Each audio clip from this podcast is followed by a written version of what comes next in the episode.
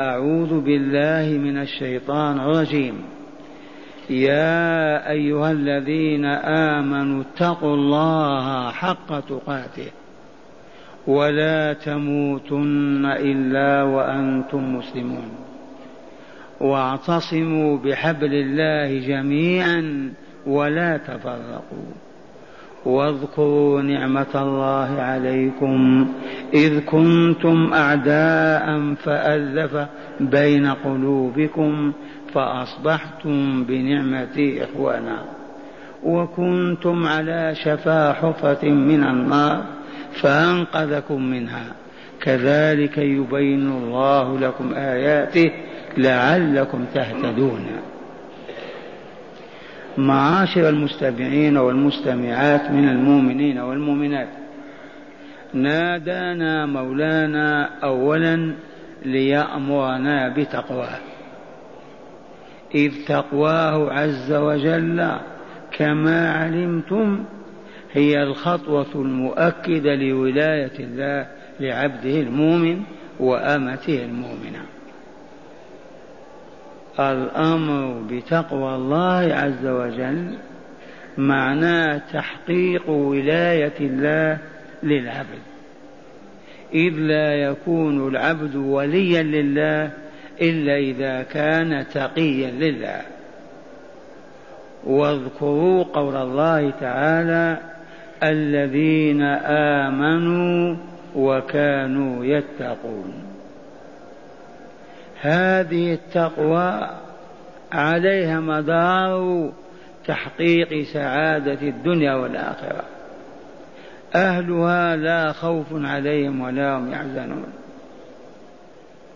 وقد نبهنا إلى أنه لا يتأتى لعبد ولا لأمة من إيماء الله وعبيده أن يتقي الله بدون ما لم يعلم ما يتقيه فيه. فثبت أن طلب العلم فريضة أكيدة. فالذي لا يعرف ما أوجب الله ولا ما حرم الله أسألكم بالله كيف يفعل واجبا ما عرفه كيف يحذر ويتقي محرم ما عرفه من غير الممكن أبدا. فوجب على كل من دخل في الإسلام أن يعرف ما أمر الله به وما نهى عنه. بنية أن يفعل المأمور وأن يتجنب المنهي وعلمتم أكثر من هذا أن كل أوامر الله وكل نواهيه تدور على تزكية هذه النفس وتطهيرها. ففعل الأوامر أدوات تزكية. ترك المحرمات إبقاء على التزكية كما هي. فالذي يصلي ركعتين ويشتم مؤمنا. كأنما غسل ثوبه ثم أفرغ عليه زنبيل من الوسخ. هذا عابث ولاعب الذي أدى الزكاة فزكت بها نفسه ثم انغمس في أكل الحرام من السرقة والربا كان كمن اغتسل بالماء والصابون ثم أفرغ عليه زنبيل من القاذورات والأوساخ. ففعل الأوامر أدوات تزكية. اجتناب المنهيات إبقاء لتلك التزكية على ما هي. فإنه إذا ارتكب كبيرا معنى ذلك أنه عم ذلك الأثر وأفسده. ولهذا أرشدنا الله بقوله وأتبع السيئة الحسنة. تمحوها وقعت نجاسة في يدك أفرغ الماء واغسلها وقعت لطخة من دام في ثوبك أفرغ الماء واغسلها كذلك قلت كلمة سوء نظرت نظر محرمة تناولت ما لا يحل لك عجل بالتوبة. اعمل الصالحات فإنها تحيلها إلى كتلة من النور. وأتبع السيئة الحسنة تمحها إذا هذه التقوى التي أمر بها المولى عز وجل لصالحنا قطعا. ثانيا نهانا. ولا تموتن إلا وأنتم مسلمون. نهانا أن نموت على غير الإسلام. فيفسد كل ذلك الذي بنيناه وينهدم. كما علمنا لو أن عبدا يعبد الله سبعين سنة ليلا نهارا. ثم يقول كلمة الكفر أو الشرك ويموت عليها إن محى ذلك كله ولم يبق له أثر في وجوده. فمن هنا أرشدنا ولينا وله الحمد والمنة. على أن نحافظ على إسلامنا لله أي قلوبنا ووجوهنا حتى يتوفانا ونحن مسلمون. والإنسان لا يدري تقلبات الحياة. قد يأتي يوم يكره فيه العبادة ويبغض فيها الصالحين. وهذا الصديق ابن الصديق ابن الصديق يوسف الكريم ابن الكريم ابن الكريم يقول في ابتهال بينه وبين ربه ربي قد آتيتني من الملك وعلمتني من تأويل الأحاديث. فاطر السماوات والأرض أنت وليي في الدنيا والآخرة. توفني مسلما وألحقني بالصالحين. أتدرون متى قال هذه الكلمة؟ لما جلس على أريكة الملك وحكم الديار المصرية وأصبح ملكا ودانت له بالطاعة وجاء الله بأبويه وإخوته وتم له كل مطلوب في هذه الحياة بدل أن يقبل على النساء وعلى اللهو والطعام والشراب إذ أمن كامل ونعم متوالية. بدل أن يقبل على اللذات والشهوات بعد أن حضرت بين يديه وتم له السلطان عليها والقدرة رغب عنها بالمرة واتصل بذي العرش يقول له ربي يا ربي يا خالقي ويا رازقي يا إلهي الذي ليس لي إله سواه قد آتيتني من الملك. ما آتاه. وعلمتني من تأويل الأحاديث. وهي النبوة وتعبير الرؤى ولا ننسى تعبيره لرؤيا الملك وهو في سجنه. فاطر السماوات والأرض. يا خالق السماوات والأرض. أنت لا غيرك. أنت وحدك. ولي في الدنيا والآخرة. إذا توسلت إليك ربي بإنعامك علي وها أنا أريد منك شيئا واحد وهو أن تتوفني مسلما وتلحقني بالصالحين. عرفتم هذا؟ إخواننا آباؤنا أبناؤنا من أهل الجهل والغفلة بمجرد ما يجلس على أريكة سواء كانت وظيفة وإلا شريكة بدل أن يفزع إلى الله يشكو ويبكي بين يديه يستفرغ ذلك كله في الشهوات. كأنما أعطاه الله ما أعطاه ليعصيه به. وحاشا الله. توفني مسلما وألحقني بالصالحين. هل تسألون ربكم هذا أو ما أنتم في حاجة إليه؟ لم ما نسأل؟ يا فاطر السماوات والأرض أنت وليي وليس لي ولي سواك. في الدنيا والآخرة معا أطلب منك أن تتوفني مسلما. أي على الإسلام. إسلام قلبي ووجهي لك. وقد علمنا البارحة معنى إسلام القلب والوجه. أسلم قلبك لله فلا تفكر أبدا إلا فيما يرضي الله. لا تلتفت بقلبك إلى غير الله. لا مانع ولا معطي ولا ضر ولا نافع. ولا رافع ولا واضع إلا هو.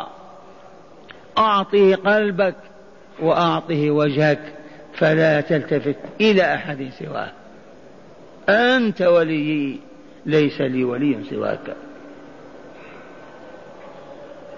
وبينت لكم ما ينبغي أن نسلكه لنحصل على هذه الجائزة العظمى وهي أن نموت مسلمين. مما بينت لكم البعد عن مجالس السوء والباطل. حتى لا تسري العدو إلى قلبك من قلوبهم. وهذا الله جل جلاله يوصي رسوله ويقول له واصبر نفسك مع الذين يدعون ربهم بالغداة والعشي. ولا تعد عيناك عنهم تريد زينة الحياة الدنيا. ولا تطع من أغفلنا قلبه عن ذكرنا واتبع هواه فاحذروا مجالس السوء. وأنتم تعرفون مجالس الغيبة النميمة القمار الكذب الأغاني التزمير الأباطيل الأضاحك ذي مجالس. أهلها قلوبهم ميتة ثم طهروا بيوتكم نقوها. اطردوا الشياطين منها وأعطاكم الله قدرة على ذلك. واملؤوها بالملائكة أهل النور. ومعنى ذلك لا يرى الله تعالى في بيتك في حجرتك في غرفتك شاشة التلفاز أو الفيديو. ويرى عاهرة من عواهر الدنيا تغني أو تتبجح وتتكلم أو يرى كافرا أو فاسقا في بيتك يتكلم بالباطل وينطق بالسوء. وقد ظهرت آثار هذه الفتنة. وأصبح الناس يموتون على سوء الخاتمة. إن لله سننا لا تتبدل أبدا. الطعام يشبع الماء يروي والنار تحرق الحديد يقطع. ومجالسة السوء والإقبال عليه وإعطاءه القلب والنفس نهاية أن يموت العبد وهو لا يقول لا إله إلا الله. واذكروا قول الله عز وجل وتوبوا إلى الله جميعا أيها المؤمنون لعلكم تفلحون. وإرشاد الرسول الكريم صلى الله عليه وسلم وهو يقول وأتبع السيئة الحسنة تمحوها وخالق الناس بخلق حسن.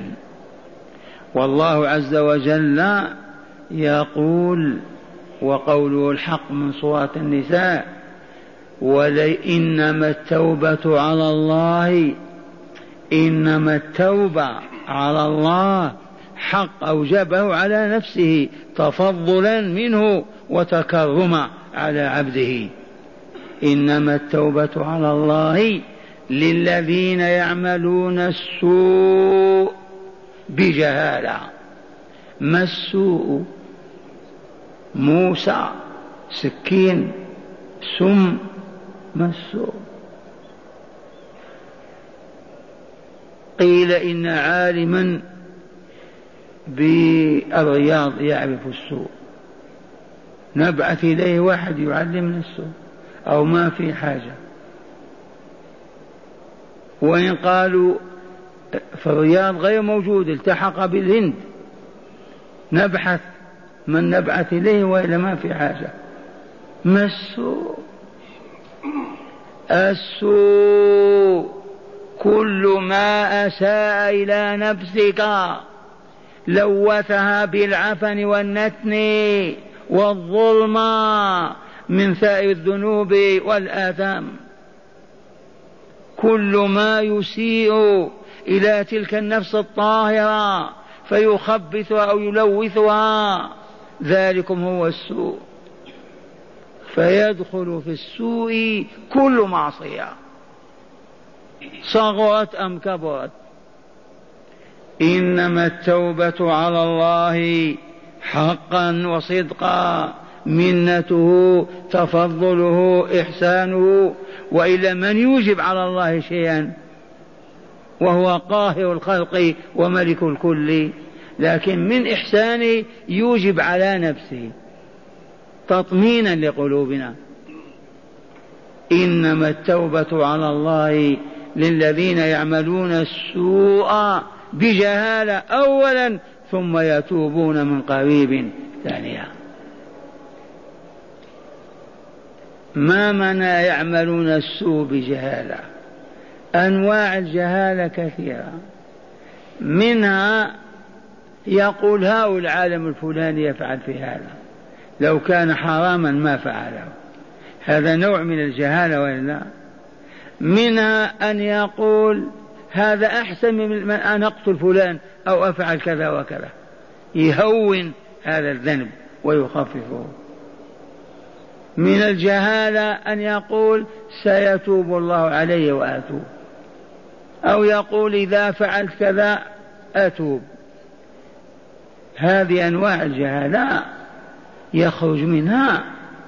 ذاك الذي يتعمد معصية الله والفسق عن أمره عنادا ومكابرة.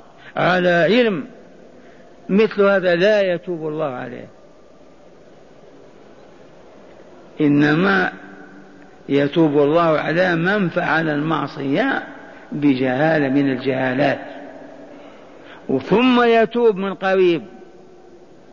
لا يؤجلها العام والأعوام من قرب.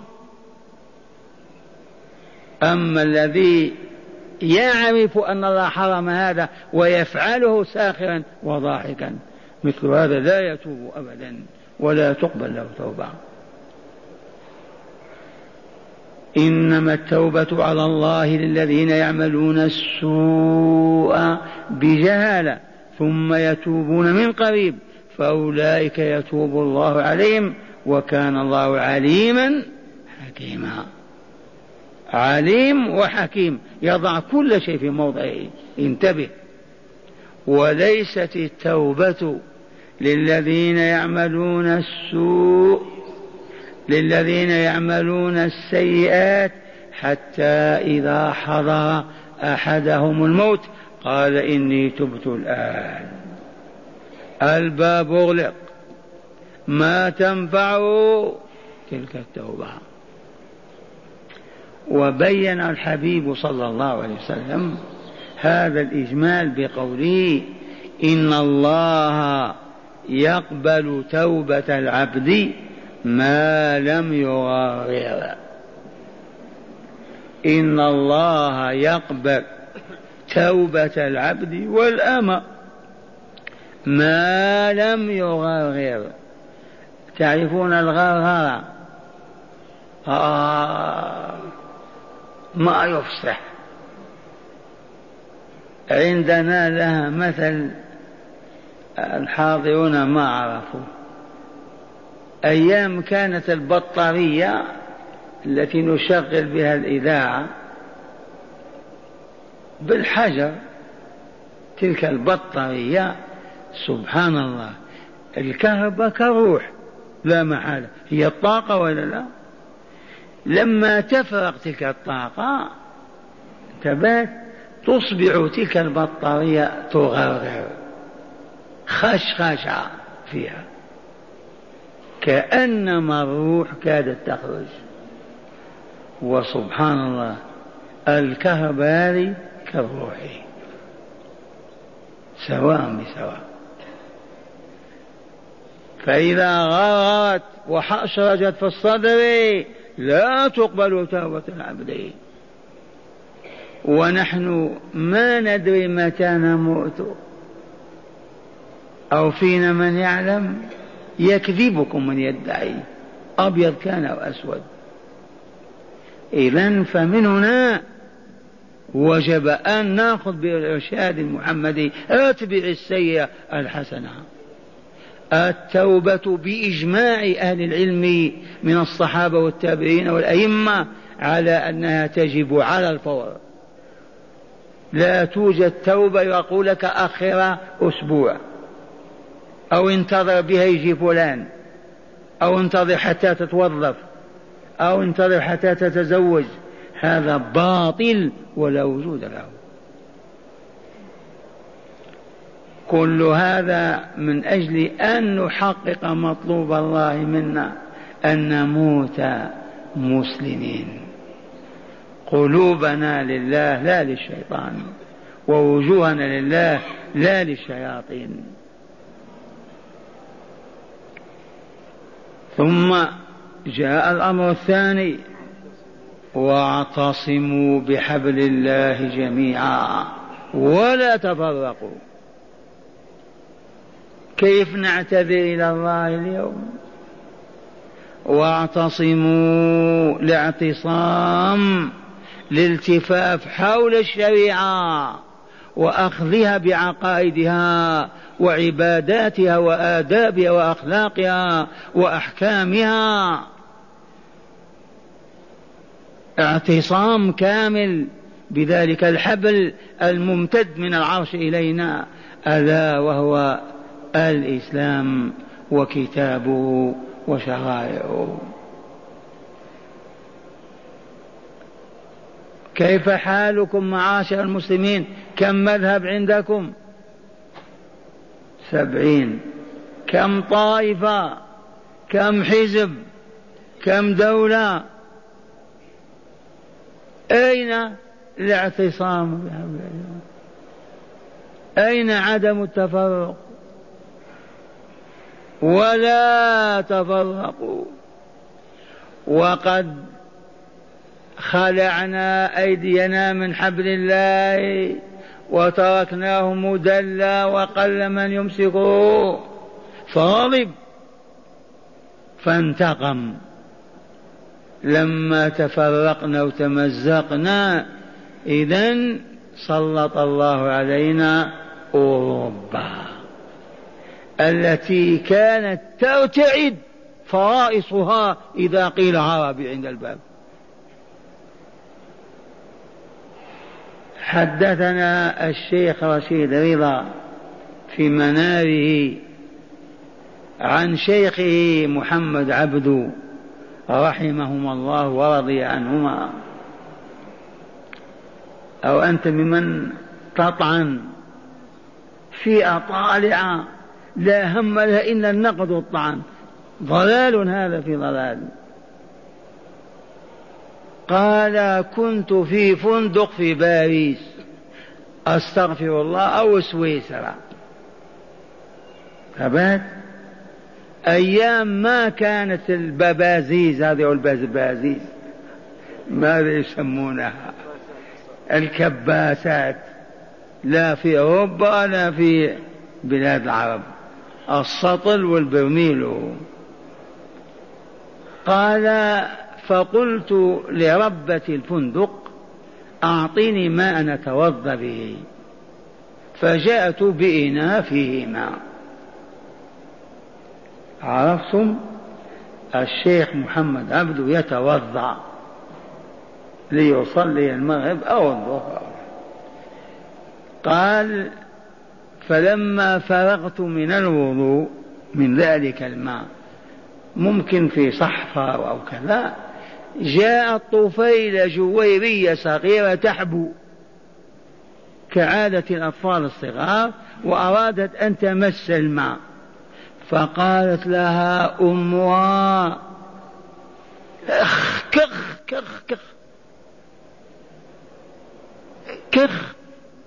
قالت البنت إيه ماما ديدان ديدان. العربي هذا سقطت منه هذه الديدان. الأم حذرت الطفلة وقالت لها كخ كخ أبعدي. لما يا أمة؟ فيه وسخ العربي هذا. البنت انغمرت وأطلت علم. قالت ماما ماما ديدان. حشرات موجودة. جراثيم. سمعتم وإذا أرادت هذه الأم أن تخوف ابنتها تقول عربي عند الباب. عرفتم أوروبا؟ واسألوهم. إذا أرادت الأم أو أراد الأب أن يخوف ولده ماذا يقول؟ ها؟ عربي عند الباب. وكلمة عربي عندهم مسلم. كل مسلم عربي. صيني هندي بخاري كل مسلم عربي.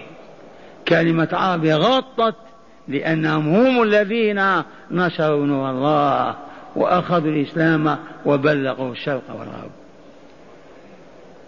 عرب. هؤلاء عرفوا كيف يعاملوننا فمزقوا جمعنا وشتتوا شملنا فقط الطرائق. في قرية واحدة سبع طرائق. التجانية القادرية العيسوية الرحمانية الأحمدية. في القرية الواحدة كل طريقة يجتمع أهلها ويشربون الشاي ويأكلون الكسكس. لا رابطة ولا جامعة. المذهب أنا مالكي ها الحديث؟ لا أنا مالكي ما يقرأ افعل كذا أنا حنفي. آه الله جاء بهذا بمظاهر الخلاف والفرق ولا لا؟ وجاءت المصيبة أكثر. الحزبية. هذا حزب فلان. هذا حزب فلان. وهكذا لما هبطنا سلط الله علينا أوروبا. فساسون وسادونا. من يقول لا؟ والله ما إلا هذه البقعة فقط كرامة الله لرسوله ولبيته. والعالم الإسلامي تحت أقدام الكفار. لما؟ لأنهم عاصوا ربهم. قال اعتصموا بحبل الله جميعا ولا تفرقوا. نفضوا أيديهم من حبل الله وتركوا وتفرقوا. إذا حقت عليهم كلمة العذاب. وإلى الآن ما زال المسلمون ما زالوا متفرقين جاهلين متخاصمين متباعدين. لا إله إلا الله. لعلي واهم وتأتينا مجلة كشمير اليوم إلى البيت. نشاهد الدماء مسفوكة والعظام مكسرة. ماذا نصنع؟ تأتي أنباء البوسنة والهرسك والشيشان والديدان ماذا نفعل؟ ورق اليوم يقول منشورا عن أحد الإخوان قال وصل إلى البوسنة والهرسك من المدينة ثلاثة آلاف مجاهد. كذب هذا ثلاثة آلاف مجاهد أين تدربوا أين تعلموا كيف يجاهدون؟ يذهبون ليزاحموا أولئك الممتلين الممتحنين في كلمة في قوس العيش. إيش يجاهدون؟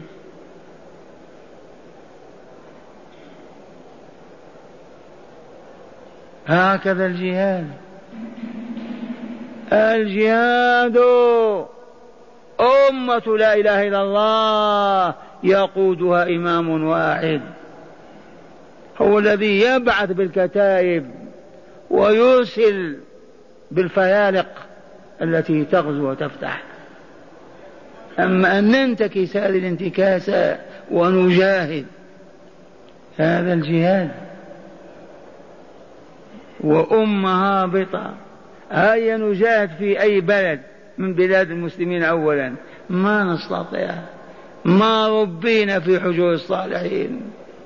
لا تجمعنا جامعا ولا تربطنا رابطا وليس لنا من الآداب والأخلاق ما يوحد كلمتنا أو يؤاخي بيننا. نحتاج إلى تربية ربع قرن على الأقل خمسة وعشرين سنة.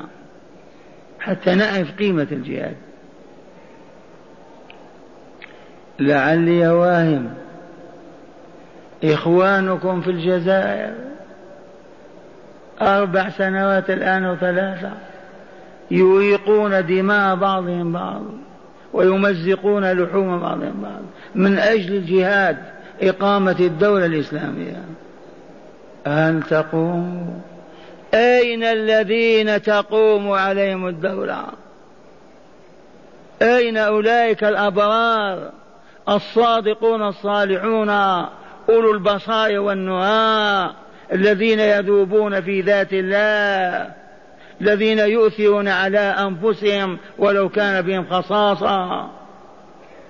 أم هائجة تجي وراء الشهوات والأطماع يمكنها أن تتلاءم وتنحني بين يدي الله وتعطيه القلب والوجه حتى يسودها شرع الله.